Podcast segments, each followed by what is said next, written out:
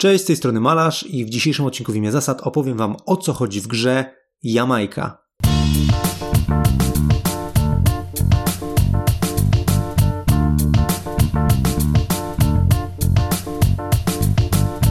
Jamajka jest to gra wyścigowa od 2 do 6 graczy, według społeczności BGG najlepiej działa na 6 osób, która serwuje nam sporą dozę losowości, chaosu i negatywnej interakcji. Celem gry jest opłynięcie wyspy i dopłynięcie do Port Royal, z którego zaczynamy wyścig. Gdy któryś z graczy tam dopłynie, dogrywamy rundę do końca i podliczamy punkty. Na koniec gry liczy się zarówno pozycja na torze, im bliżej Port Royal, tym więcej punktów, jak również ilość posiadanych dublonów oraz wartość z ewentualnych zebranych po drodze skarbów. To, co w Jamajce jest najbardziej charakterystyczne, to sposób poruszania się i wykonywania akcji za pomocą kart, sposób ładowania i przechowywania zasobów, które będą nam potrzebne do podróży, oraz walki. Zacznijmy od początku. Struktura rozgrywki wygląda w ten sposób, że w danej rundzie jeden z graczy wciela się w rolę kapitana, bierze dwie kości K6, rzuca nimi, a następnie ustawia je w kolejności akcji porannej i akcji wieczornej. Wartości na tych kościach będą nam dyktowały, z jaką siłą każdy z graczy wykona swoją akcję poranną i akcję wieczorną. Kiedy widzimy już te wyniki, każdy z graczy bierze swoje trzy karty, które posiada na ręku, wybiera jedną z nich potajemnie, a następnie wszyscy je odkrywamy i po kolei każdy z graczy wykonuje swoją akcję poranną i akcję wieczorną. Na tych kartach w zasadzie są tylko dwie ikony. Ikona, która opisuje, co jest akcją poranną, oraz ta, która opisuje, co jest akcją wieczorną. Te akcje to są albo poruszanie się do przodu lub do tyłu, albo ładowanie żetonów towarów do naszych ładowni. Powiedzmy, że akcja poranna to jest ruch do przodu. Jeżeli na kostce, która opisuje akcję poranną, jest y, liczba 4, to znaczy, że nasz statek popłynie o 4 do przodu. Jeżeli na akcji porannej jest, nie wiem, załadunek armat, to znaczy, że załadujemy cztery armaty. Tak więc z kart, które posiadamy na ręku, wybieramy po prostu takie zestawienie symboli, które pasuje nam do aktualnej konfiguracji na kostkach, którą wybrał nasz kapitan. Oczywiście w każdej rundzie kapitan będzie się zmieniał, będzie to zawsze kolejna osoba. Zacznijmy od tego, na czym polega załadunek. Ładować możemy jeden z trzech towarów. Może to być złoto, armaty albo jedzenie. Każdy z graczy posiada planszetkę z pięcioma ładowniami, do których można ładować te towary. Jeżeli mamy jakąś wolną ładownię, to po prostu tam ładujemy nasz towar, czyli na przykład 4 y, złota kładziemy w nowej, pustej ładowni. Jeżeli wszystkie nasze ładownie są pełne, to nie możemy dokładać więcej złota tam, gdzie już jest złoto. Musimy opróżnić jedną z ładowni, ale nie może to być rodzaj towaru, który właśnie chcemy załadować. Czyli na przykład jak ładujemy armaty, to nie możemy wywalić innych armat, tylko musimy wywalić złoto albo jedzenie. Do czego w ogóle służą te towary? Jedzenie oraz złoto służą do opłacania pól, na których wyląduje nasz statek w wyniku akcji ruchu. Ponadto złoto na koniec zapewnia punkty zwycięstwa. Trzeci rodzaj towaru, czyli armaty, pomaga nam wygrywać bitwy morskie z innymi graczami. To teraz na czym polega ruch?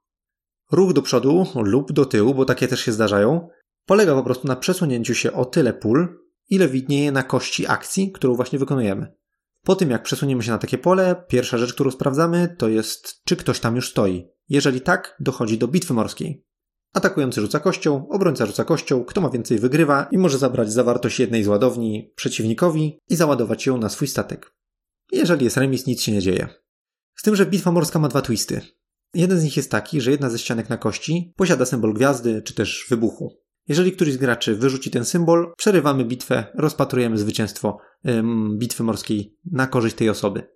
Gra więc zachęca nas lekko do tego, żebyśmy atakowali, ponieważ mamy jedną szóstą na to, że od razu wygramy starcie. Drugi twist to armaty. Atakujący, jak i obrońca tuż przed wykonaniem rzutu kością mogą wydać żetony armat ze swoich ładowni, żeby wzmocnić wynik na kości, który zaraz wykulają. Dobra, wiemy już kto wygrał, kto przegrał, to teraz sprawdzamy, czy osoba, która przypłynęła na to pole, jest w stanie opłacić pobyt na tym polu.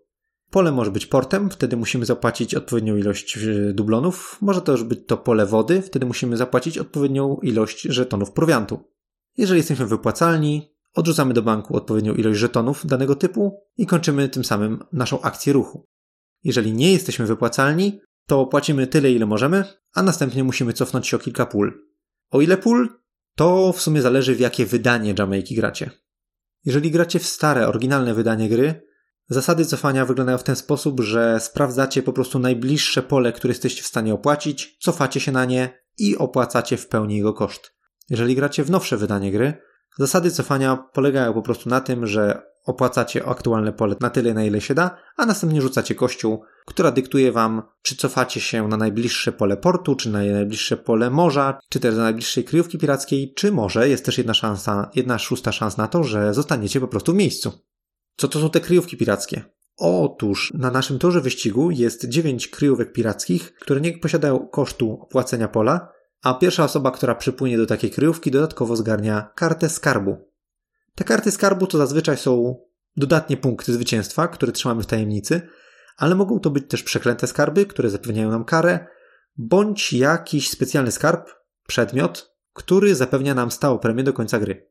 Te karty przedmiotów oczywiście są jawne, trzeba je od razu pokazać, a karty z punktami są tajne. Oczywiście, jeżeli ktoś nas pokona, to w wyniku bitwy zamiast zabierać nam zawartość jednej z ładowni, może po prostu zabrać nam jeden z kart skarbów.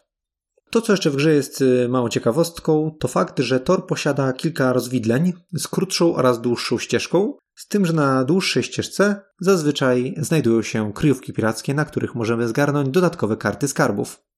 I to w sumie wszystko. Ścigamy się, nawalamy się, przypychamy łokciami, staramy wybrać nieco bardziej optymalne ścieżki i nieco bardziej optymalne karty, tak żeby poruszać się szybko, sprawnie i załadować jak najwięcej dublonów przed końcem gry i po prostu na koniec posiadać jak najwięcej punktów.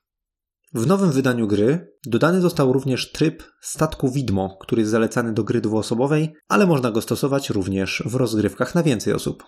Statek widmo to po prostu wirtualny statek, który zaczyna razem z nami rozgrywkę na porcie Royal i kiedy wszyscy gracze w danej rundzie już e, wykonają swoją akcję wieczorną i poranną, kapitan następnie wykonuje dwie akcje ruchu statku widmo. Ruch poranny i ruch wieczorny. Jeżeli statek widmo jest ostatnim statkiem, musi płynąć do przodu, jeżeli jest ewidentnie pierwszym statkiem, musi płynąć do tyłu, a jeżeli jest gdzieś pomiędzy, to wtedy kapitan wybiera, czy daną akcję ruchu statek widmo wykonuje do przodu, czy do tyłu. Oczywiście zawsze, kiedy statek widmo skończy swój ruch na polu z jakimkolwiek graczem, wybiera jednego z nich, w sensie kapitan wybiera, kogo zaatakuje statek widmo, z tą drobną różnicą, że statek widmo ma zawsze plus dwa do siły.